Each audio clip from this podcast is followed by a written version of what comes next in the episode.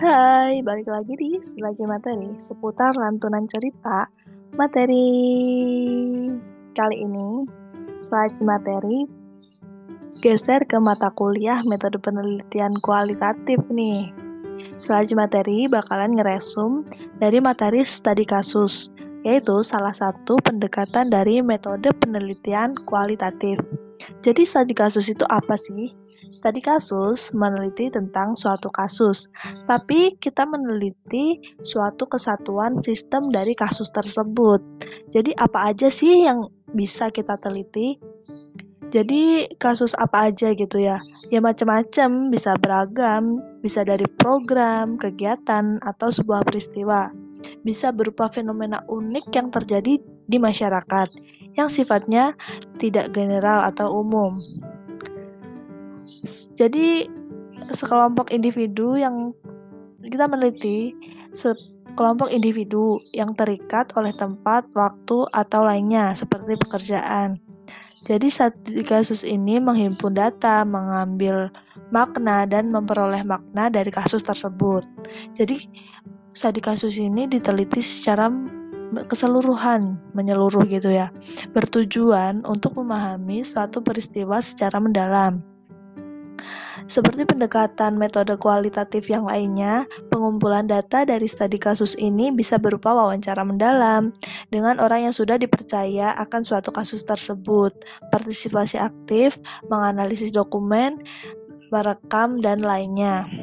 Ciri-ciri studi kasus adalah yang pertama, menggunakan pola pemikiran induktif, empiris, rasional, atau bottom up. Yang kedua, partisipan sangat diutamakan dan dihargai tinggi.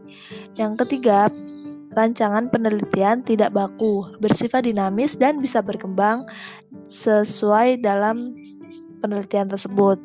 Yang selanjutnya, peneliti sebagai alat pengumpul data dan terakhir, analisis data dilakukan selama peristiwa berlangsung. Terus di sini ada jenis-jenis studi kasus. Ada tiga macam tipe studi kasus. Yang pertama, studi kasus intrinsik, studi kasus instrumental, dan studi kasus kolektif. Yang pertama, studi kasus intrinsik ins atau intrinsic case study apabila kasus yang dipelajari secara mendalam mengandung hal-hal yang menarik untuk dipelajari berasal dari kasus itu sendiri dan dapat dikatakan mengandung minat intrinsik. Yang kedua, studi kasus instrumental.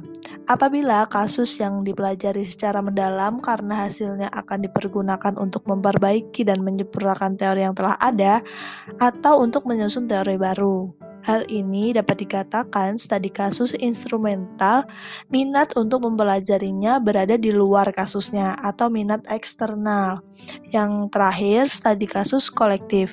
Apabila kasus yang dipelajari secara mendalam merupakan beberapa kelompok atau kasus, walaupun masing-masing kasus individual dalam kelompok itu dipelajari, dengan maksud untuk mendapatkan karakteristik umum, karena setiap kasus mempunyai ciri tersendiri yang bervariasi.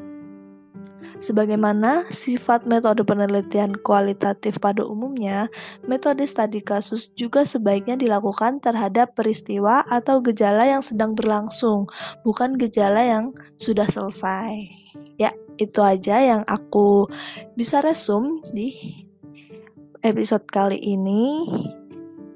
Bye.